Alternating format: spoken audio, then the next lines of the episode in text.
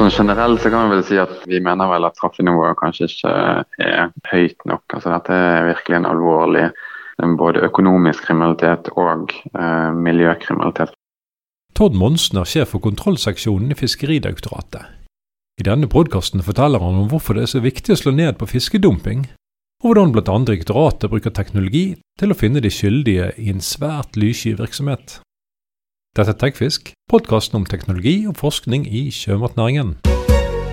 Tord Monsen, du leder kontrollseksjonen i Fiskeridirektoratet. Samtidig så har vi jo Kystverket som kontrollerer, og Kystvakten som kontrollerer. Kan du forklare meg litt rundt rollefordelingen? Det kan jeg. Ehm, det er jo sånn at eh, det er Fiskeridirektoratet, Kystvakten og eh, fiskesalgslagene som eh, er kontrollmyndighetene for det som går på fiskeriaktiviteten, altså fiskerilovgivningen. Mens Kystverket de har et ansvar for å følge opp aktiviteten på sjøen som langs, langs kysten. Og er jo også mottaker av AIS-data fra fiskefartøy. og de har jo en overvåkning av de dataene og den aktiviteten på sjøen.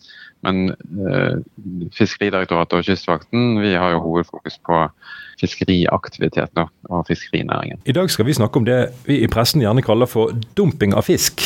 Du bruker andre ord? Ja, dumping det er vel kanskje mer eh, sånn populærbegrepet på det som vi betegner som ulovlig utkast eller brudd på ilandføringsplikten. Men det handler jo om at eh, død eller døende fisk slippes tilbake i sjøen. Eh, altså at eh, det som høstes fra fiskefartøyene ikke tas til land. Og det forekommer jo etter at fisken er tatt om bord i fiskefartøyet, eller ved at fisken slippes ut igjen direkte fra redskapet før redskapet er tatt om bord i båten. Det kan f.eks. skje fra en not eller trålpose som ligger i, i sjøen. Uh, og det som uh, Da blir jo denne fisken den blir jo ikke registrert som et uh, ressursuttak, og vi får heller ikke utnyttet ressursen. Så Siden 2008 så har vi jo hatt en generell ilandføringsplikt i Norge, og før det så hadde vi også et utkastforbud på definerte arter. Og eh, Ilandføringsplikten den betyr jo det at eh, all fangst av fisk skal føres til land. Og det vil si at det er egentlig tilstrekkelig at en enkelt fisk slippes tilbake i sjøen for at det skal defineres som dumping eller ulovlig utkast. Men normalt så tenker vi jo mer på ulovlig utkast som en aktivitet der uønsket fangst systematisk kastes tilbake i sjøen eller slippes fra redskap etter at den er død eller døende. For Det er vel en uh, vei å gå fra catch and release til uh, dumping av en trålpose? Det er selvfølgelig uh, avhengig. altså Det som er, er måte vurderingskriteriet, er jo om fisken er død eller døende. og Det avhenger av hvordan man har håndtert fisken gjennom høstingsaktiviteten. Uh, og det som vi vet er at uh, altså De aller fleste uh, høstingsaktiviteter som drives i kommersielt fiske, så um, er det bare unntaksvis at den fisken som eh, blir kastet på sjøen igjen, vil overleve uh, den høstingsaktiviteten. Så finnes det selvfølgelig eksempler på at man kan gjennomføre en fangstaktivitet på en skånsom måte, som gjør at fisk vil overleve når du setter den ut igjen. Men det vil stort sett være hvis du har på en måte individbasert fiske, altså der du fisker etter enkeltfisker. Men, i, men når du fisker med not og trål osv., så, videre, så vil eh, påvirkningen på fisken være sånn at den er eh, eh død eller døende når, eh, når, den settes ut igjen på sjøen. Og Da sløser vi med, med ressursene. Hvorfor er utkast et problem? Havet er jo stort? Havet er stort, ja. Men uh, egentlig så historien om hvorfor det ble innført et utkastforbud, er egentlig ganske illustrerende for uh, hvorfor dumping eller ulovlig utkast er et problem. Uh, og Da må vi egentlig helt tilbake til 1983. Eh, på det tidspunktet så sto det ganske dårlig til med torskebestanden i, i Barentshavet. Men det var flere svake årsklasser som før det. da. Det er En årsklasse er jo altså det som rekrutteres inn i, i bestanden. Uh, og det har jo av betydning, avhengig av hvor stor den gytemodne delen av bestanden er, og hvordan næringstilgangen er, temperatur, miljøpåvirkning og også blir påvirket av fiskeriaktiviteten. Uh, men i 1983 så uh, fant forskerne endelig en stor årslaser, som da man tenkte da at på sikt kunne være med på å gjenoppbygge bestanden. Men utfordringen den gangen var at den uh, nye årsklassen selvfølgelig var uh, på yngelstadiet og ble tatt som bifangst i trålfiske etter reker. Sånn at uh, store mengder yngel og torsk ble neddrept under fangstoperasjonen og ble sortert ut av rekefangstene om bord i fartøy og kastet på havet. Og Den gangen så var det en lovlig aktivitet. Og Neddreppingen av torskeyngel gjorde at hadde stor fare for å kaste bort muligheten til å kunne gjenoppbygge torskebestanden. Så Da var det nødvendig med tiltak, og for å verne om denne nye årsklassen, så ble det innført en ordning hvor fiskefelt kunne stenges midlertidig eh, ved stor innblanding av torskeyngel. Og Det var jo da forløperen til eh, Fiskeridirektoratets overvåkningstjeneste, som vi fremdeles har i drift, men som i dag heter eh, Sjøtjenesten. Og uh, Ordningen var en suksess. Vi klarte å eh, verne om den nye årsklassen, sånn at eh, den kunne nå gytemoden alder og kunne vokse videre. Men så noen år seinere så kom man inn i et nytt problem, for da kom den fisken, altså den yngelen etter hvert som ble større, så kom man inn i mer det ordinære fisket etter torsk. Men det vi opplevde da, var at store mengder av, eh, av den mindre torsken da, eh, ble kastet på havet igjen, fordi verdien av, av den torsken var lavere enn selvfølgelig større torsk. Uh, og Da opplever man det som man kaller for high grading, som betyr at da, uh, fisker maksimerer verdien av fangsten ved å kaste ut fisk av mindre verdi. Uh, og Den gangen så var det også en lovlig aktivitet. Så Da sto vi jo nok en gang i fare for å måtte kaste bort denne årsklassen som skulle redde torskebestanden på, på det tidspunktet. og Da var vi i, i 1987. Og Fiskeriministeren på det tidspunktet han eh, tok en egentlig ganske modig beslutning den gangen om å da innføre et utkastforbud for uh, torsk og hyse. For å få slutt på en praksis hvor uh, store mengder fisk ble rett og slett bare ødslet bort. Og dette var jo egentlig et ganske stort paradigmeskifte i eh, norsk eh, fiskeriforvaltning. Fordi eh, en endring fra å ha et utkastpåbud til et utkastforbud krevde en helt ny måte å tenke på hvordan vi forvaltet fiskeriene. Eh, fordi at eh, Å bare innføre et forbud på dette området det vil ikke alene redusere problemet. Vi måtte snu oss helt om, eh, og forvaltningen måtte stille seg et grunnleggende spørsmål som vi fremdeles må stille oss løpende. Og det er jo hvordan kan vi hjelpe fiskeren i å unngå å få uønsket bifangst eh, som potensielt blir eh, kastet på, på, sjøen igjen. Eh, og Derfor så ble dette utkastforbudet det ble fulgt opp med å etablere eh, minstemål, eh, krav om å skifte fiskefelt hvis innblandingen av fisk under minstemål var for stor. Eh, det ble innført seleksjonsinnretninger i redskap, sorteringsrisk, innført eh, økte krav til maskevidde. Eh, og med målet om å få sortere ut den uønskede fangsten og unngå måte, å fiske på fisk som, som, man ikke ønsker. Og Ideen er jo bak dette er jo at ikke vi skal ødsle med fellesskapet sine ressurser. For fisk er jo en begrenset ressurs, men det vil være en evigvarende ressurs hvis vi klarer å forvalte den bærekraftig. Og Da må vi sikre sikre at, vi, at eh, fisken får vokse opp slik at den kan reprodusere. Og Det skjer jo først etter noen år når den når gytemoden alder, akkurat som med mennesker. Og vi må også vite hvor mye fisk som vi faktisk høster. Så Det er en del sånne forutsetninger som ligger der, og, og eh, beskriver også da utfordringene med, med, utkast. Før disse forbudene ble introdusert, eh, har dere noe tall på hvor, hvor, mye som ble droppet i havet? Det ble vel ikke Ja, det ble jo rapportert i eh, altså Den gangen når det var måtte, lovlig med utkast, så uh, var det jo mer åpenhet måtte, om uh, hva man kastet ut og rapportert. Nå har ikke jeg de tallene foran meg, men, uh, men det er klart at Eh, at når du har lov til å kaste ut, og ikke til noe forbud mot det, så, så er det mer åpenhet om eh, aktiviteten, og det er enklere måte å rapportere den aktiviteten. Så eh, Det er jo en, en utfordring i dag da, at det, det rapporteres ikke om utkast, nettopp fordi at det er et forbud mot å eh, drive den aktiviteten. For eh, utkastene fortsetter. Hvem er synderne?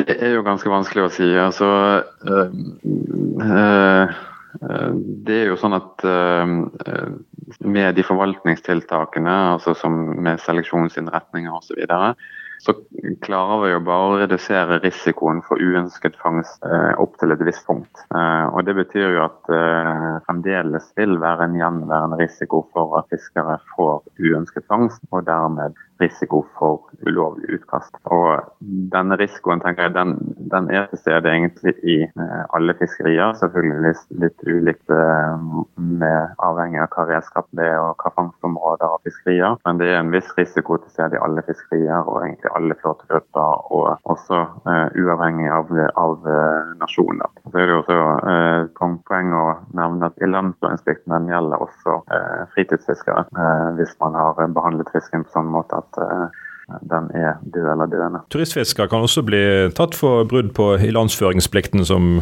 dere kaller det? Det kan det. Den regelen i ilandføringsplikten den gjelder generelt for alle som utøver et uh, fiske. men Det betyr at man ikke skal uh, kaste fisk på havet som er, er død eller døende.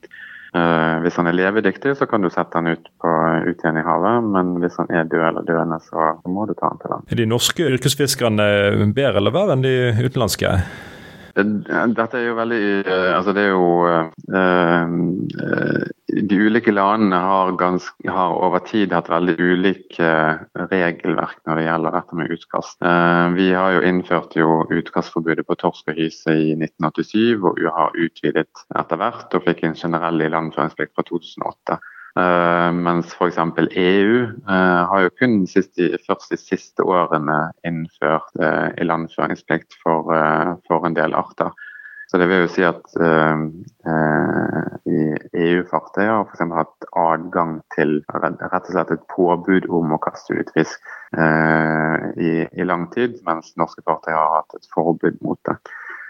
og så tror jeg nok at det som, om du skal måtte se hvem som er verstingene her, så er det jo avhengig av hvordan du rett og slett forvalter fiskeriene. Eh, så der er vel vår erfaring at i Norge så har vi en ganske um, avansert forvaltning av fiskeriene, nettopp for å sikre at vi unngår å ta de eh, fangstene som ikke er ønsket, og at flåtene på en måte har en fangstsammensetning eller kvotesammensetning som faktisk matcher bedre det som de faktisk fisker, enn det man kanskje har i, i, i andre land. Så, eh, sammenlignet med, med, resten av verden, så tror jeg nok eh, norske fiskere kan, eh, kan holde, holde hodet høyt hevet. Eh, men det er ikke det samme som å si at ikke det skjer utkast i, i norske fiskerier. Nei.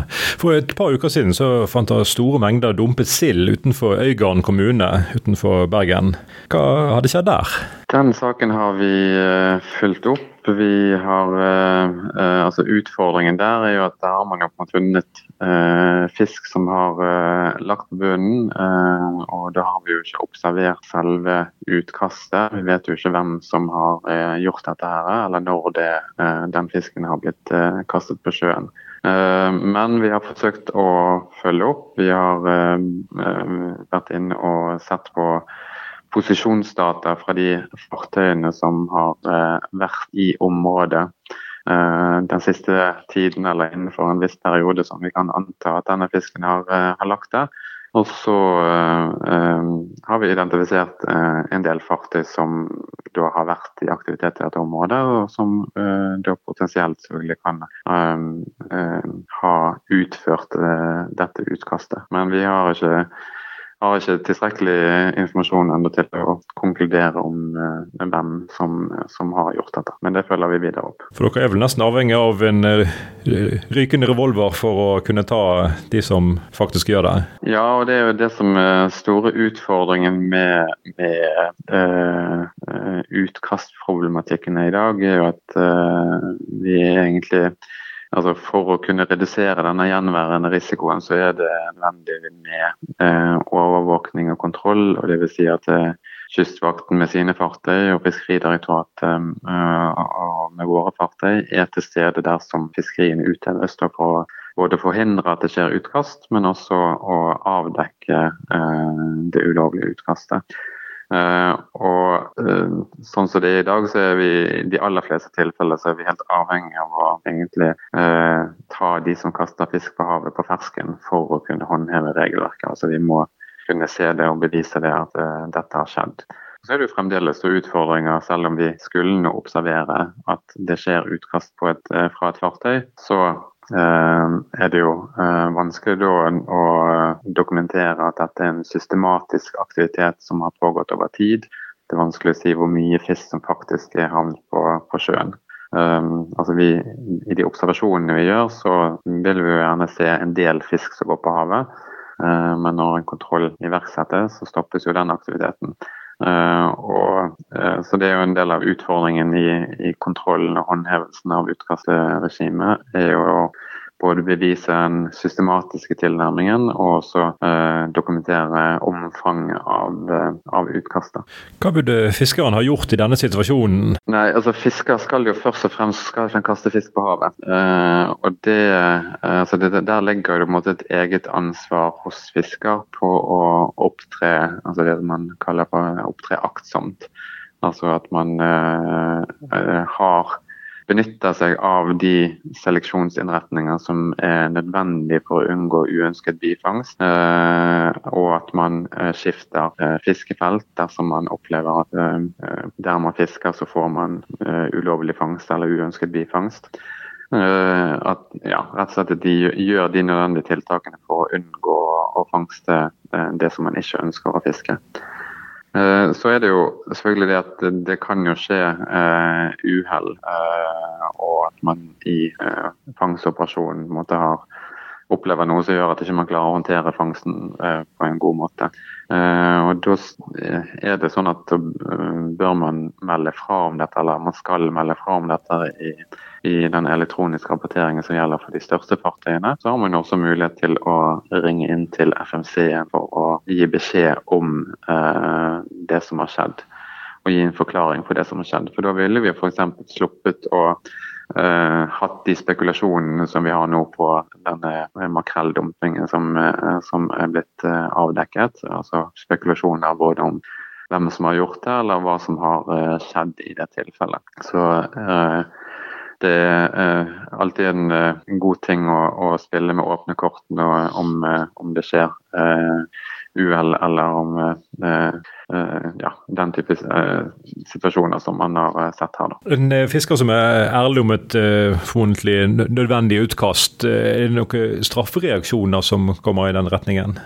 Altså, straff eh, krever jo på en måte at du har brutt regelverket, altså at du har en objektivt brudd på regelverket, men også at du har eh, eh, opptrådt uaktsomt eller forsettlig. Altså at det må være et skyldelement i dette. Um, så hvis, uh, hvis, man ikke kan dokumentere uh, det skyldmomentet, så vil det jo ikke være aktuelt å følge opp med, med straff på, på, den type saker. Uh, og vi har jo uh, først og fremst fokus på der vi måtte, ser at fisk uh, systematisk kastes fra et fartøy etter at det er tatt om bord i fartøyet, eller at det gjennomføres fangstoperasjoner um, der man uh, har opptrådt uaktsomt i forbindelse med fangstoperasjoner og derfor slipper ut store mengder fisk som er døde eller døende. Men hvis det skjer uhell, så, så er Uh, normalen er jo da at vi, vi, stoler på de forklaringene som vi får der fra, fra fisker. Uh, og mistenkeligheten vil jo være langt mindre hvis man er åpen og direkte om det, uh, fremfor at man ikke, ikke sier noe om det. Så får vi en sånn, sånn, situasjon som vi har nå, med at vi må spekulere i hva som har skjedd og hvem som har gjort det. Hvis vi ser bort fra de ærlige fiskerne, hvor ligger straffenivået på akkurat denne typen miljøkriminalitet, og hva lovverk er det som trer i kraft?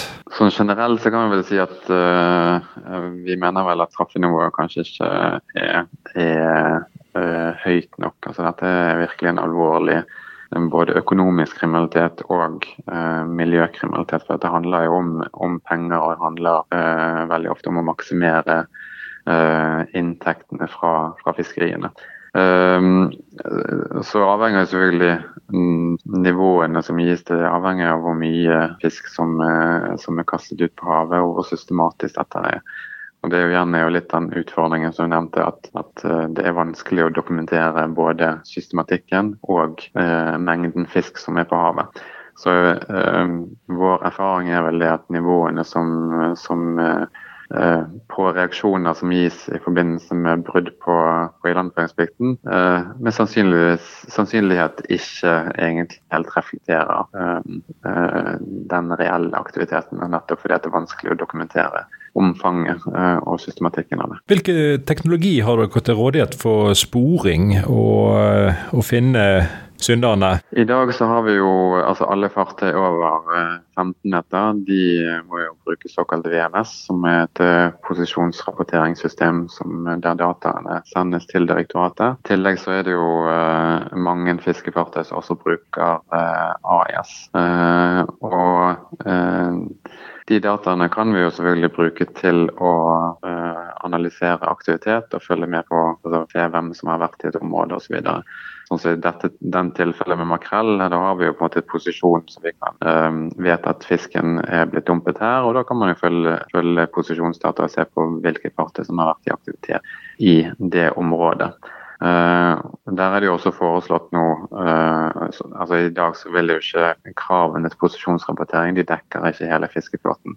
Og Der er det jo vedtatt noen endring som vil innebære at man de neste årene skal utvide kravene til posisjonsrapportering til å dekke Eh, alle kommersielle eh, fiskefartøy. Um, ellers så er det jo de dataene som eh, rapporteres fra fiskeflåten, om det er fangstdagboken som de rapporterer om bord i fartøyet, eller landingsdata. Der er det mulig å sammenligne fangsttall fra ulike fartøy som gjerne fisker i samme område, å identifisere om det er noen som har unormale fangstsammensetninger sammenlignet med, med andre, da, for å kunne Eh, som et eh, tegn på eh, at man kanskje ikke beholder all fangsten om bord i fartøyet. Men igjen så er jo utfordringen at det gir bare indikasjoner på at fangst ikke er beholdt om bord. Og beviser ingenting, sånn at du likevel må på en måte ut og, og avdekke eller ta noen på fersken for å kunne dokumentere eh, den ulovlige aktiviteten. Dere får jo også inn tips, og i tillegg så har dere observasjoner fra fly.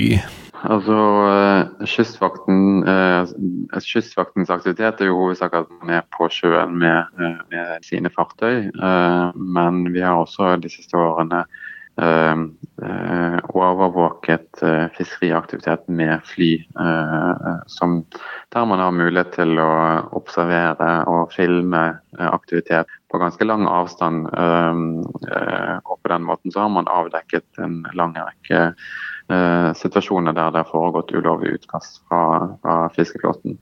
Um, og Der jobbes jo nå også nå med å, å teste ut uh, droner, som kan gjøre at vi kan jobbe mer effektivt uh, med uh, den type aktivitet. For det ofte er jo sånn at når, altså når Kystvakten er i nærheten, så er det gjerne flere fiskefartøy som er, det, er, i området. og en måte kjent at fiskeflåten er at Kystvakten er til stede. Så skal vi på en måte kunne avdekke ulovlig aktivitet, så er det jo et poeng også å kunne komme litt overraskende på de som utøver eh, utkastet.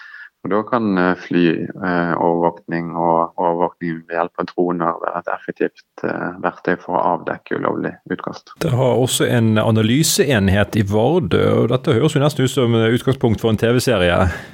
ja, det hadde vært så spennende. Men, men ja, vi har i Sammen med Kystverket så har vi eh, en felles analysenett som sitter eh, i Vardø sammen med Sjøtrafikksentralen der oppe. Og eh, den enheten, den oppgaven til den er å levere analyserapporter basert på posisjonsdata og aktivitet på havet til både direktoratet og Kystverket, men også til andre norske kontroll- og tilsynsmyndigheter.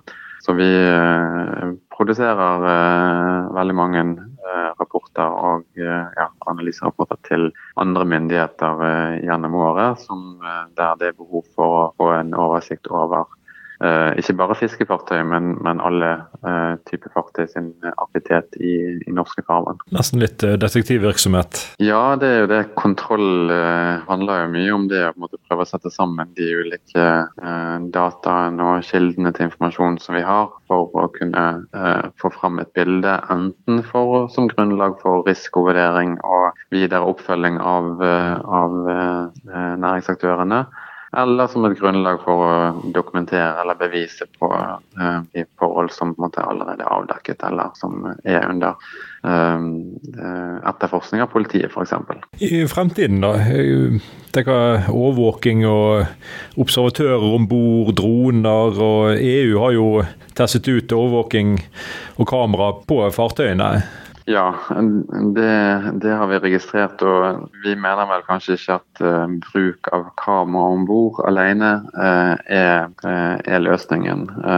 det er ekstremt ressurskrevende å skulle følge med på om vi skulle hatt kamera om bord på 6000 norske fiskefartøy. Så ville det vært ekstremt ressurskrevende å skulle følge med på den aktiviteten. Uh, I tillegg så har jo andre problemstillinger rundt personvern osv. vært oppe som, som uh, til diskusjon i de landene som har innført uh, kamera om bord. Så tror vi heller ikke det at du bare, bare filmer aktiviteten, at det egentlig vil gi den dokumentasjonen som vi registrerer at andre land krever når fisk eksporteres ut av Norge. Eller som markedene og forbrukerne etter hvert også forventer av dokumentasjon på bærekraft og lovlig fiske og osv. Så, videre.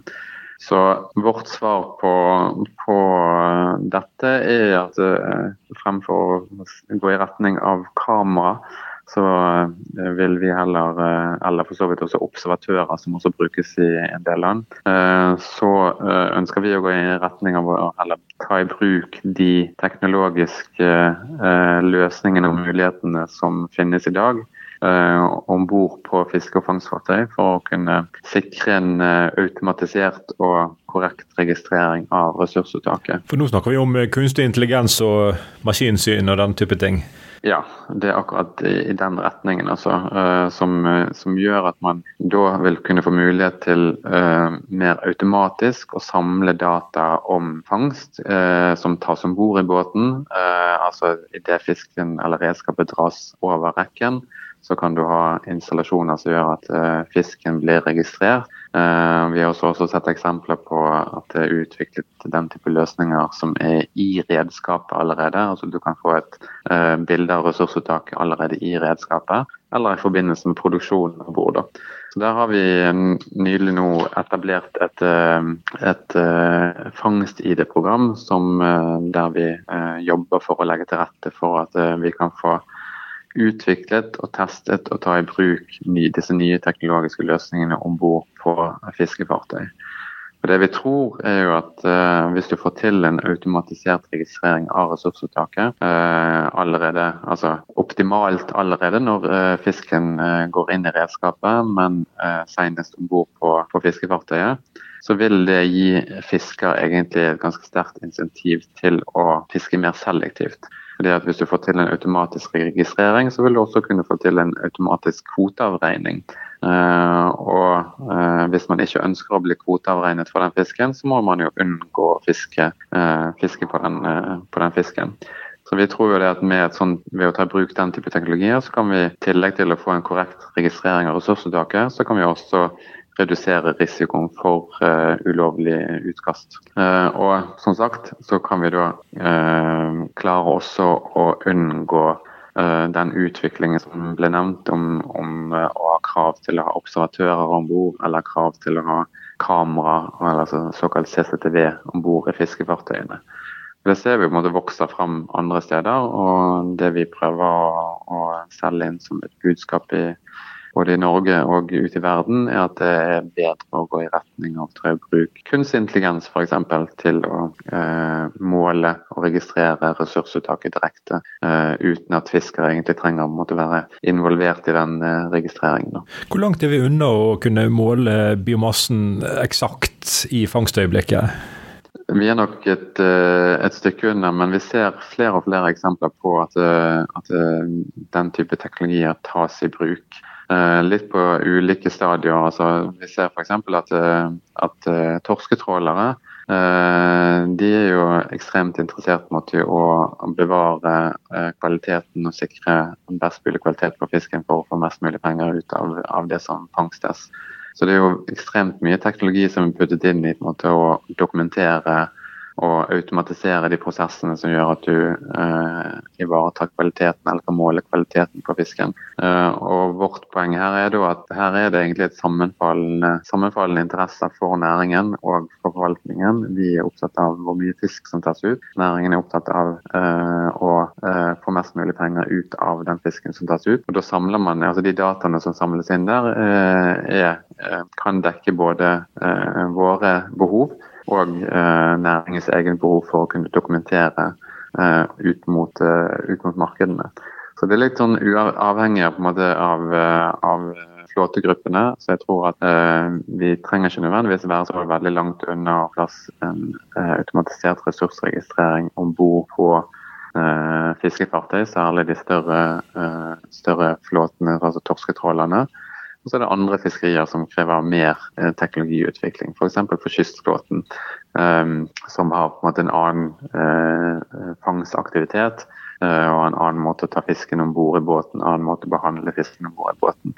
Og Der ser vi også at uh, eh, f.eks. i USA så har de et pågående prosjekt der man bruker kunstig intelligens til å måle fisk idet den dras om bord i båten i forbindelse med et linefiske etter, etter blåkveite. Um, og da er jo på en måte den kunstig intelligensen såpass god at den ikke bare klarer å identifisere fisken og, og i eh, et, altså hvor mye fisk det er snakk om, men også klare å telle antall krok som er på linen som dras om bord i båten. Så, så eh, vi er ganske optimistiske, men vi er klar over at altså, det vil, vil, ta tid. Altså, det vi mener er at Teknologien er der, eh, men de må tilpasses måte, den aktiviteten som er om bord i, i, i, i, fartøyene for å kunne tas i bruk i fiskeriene. Helt eh, avslutningsvis, eh, Hva er det verste dere har opplevd av eh, det som dere kaller brudd på ilandføringsplikten? Det er kanskje det som altså Det verste vi, vi, ser, er jo altså, Det er liksom delt i to. Du har den, den aktiviteten som skjer om bord i, i, fartøyene, der det er veldig systematisk uh, uh, Uh, utsortering av fisk uh, i forbindelse med produksjonen om bord av fisk man ikke ønsker å beholde. Og der du måtte se, ser lange striper med fisk etter båten. og vi ser at måtte, dette er en systematisk aktivitet som, som skjer om bord. Det, det hører vi jo høre fra Kystvakten sine inspektører at når de kommer om bord, så ser de jo veldig tydelig på om dette er en vanlig, en vanlig praksis, eller om det er bare et uhell som skjer. Eh, eh, så, så det er jo, uh, og Når du begynner å telle opp hvor mye fisk dette blir til slutt, så blir det ganske store mengder fisk. Og så har vi det som, det som, skjer i forbindelse med fangstoperasjonen. og Det er jo særlig i de pelagiske fiskeriene som det er en utfordring, der man har såkalt slipping, altså du fisker med en not, og etter hvert som du strammer inn denne noten, eh, så blir fisken stresset, oksygentilgangen til fisken blir mindre, og på en måte den neddrepingsprosessen er, er begynt. Så selv om det kan se ut som at fisken svømmer vekk, eh, hvis du åpner eh, noten igjen, så er eh, du kommet så langt i høstingsaktiviteten at den fisken innen eh, et døgn eller to døgn vil dø ned pga. Eh, stressnivået, oksygenmangel osv. Og Da snakker vi om store mengder fisk. altså en, eh, Det er ikke unormalt at en, eh, en eh, ringnotbåt har gjerne 600 tonn fisk i, i et kast. Og Hvis du slipper ut denne fisken igjen, og den er død eller døende når du gjør det, så er det ganske store mengder fisk som, som vi bare øsler bort og ikke får utnyttet verken til menneskemat, eller vi får heller ikke da registrert ressursuttaket. Du har hørt TechFisk, podkasten om teknologi og forskning i sjømatnæringen.